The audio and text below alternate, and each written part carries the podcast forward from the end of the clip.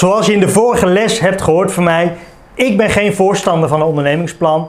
Uh, puur en alleen omdat ik, ja, ik ga er tegenop kijken en ik moet dit nog doen en een liquiditeitsbalans en een exploitatiebegroting en weet ik wel, allemaal moeilijke termen erin zitten. Ik ben er niet van.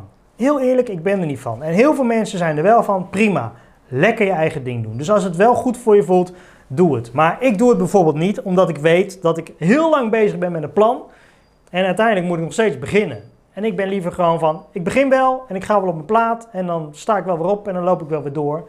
En daar leer ik van. Dus dat is ook het stukje van nou, uh, van idee naar uitvoering. Dus ik heb een worksheet ontwikkeld om van dat hersenspinsel van, oh, ik ga voor mezelf beginnen, naar, oké, dit ziet er op zich wel kant en klaar uit dat ik wat kan gaan doen.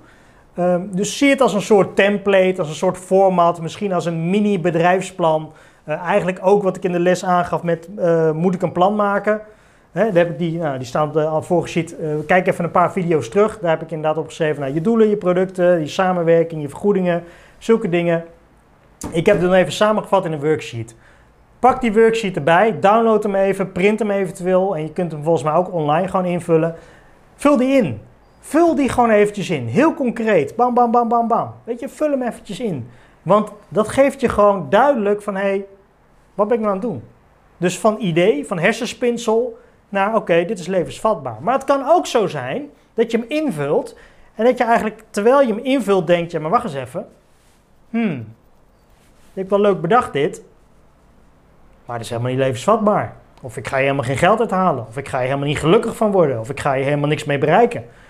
Um, dat kan. het doel is met een bedrijf, dat klinkt misschien heel stom, het doel met een bedrijf is niet altijd geld. Het doel met een bedrijf kan ook zijn een bepaalde doelgroep hè, uh, die je als aanhangers krijgt. Het doel, het doel kan heel divers zijn. je hebt ook uh, bedrijven zonder winstoogmerk, hè, stichtingen, verenigingen, zulke dingen.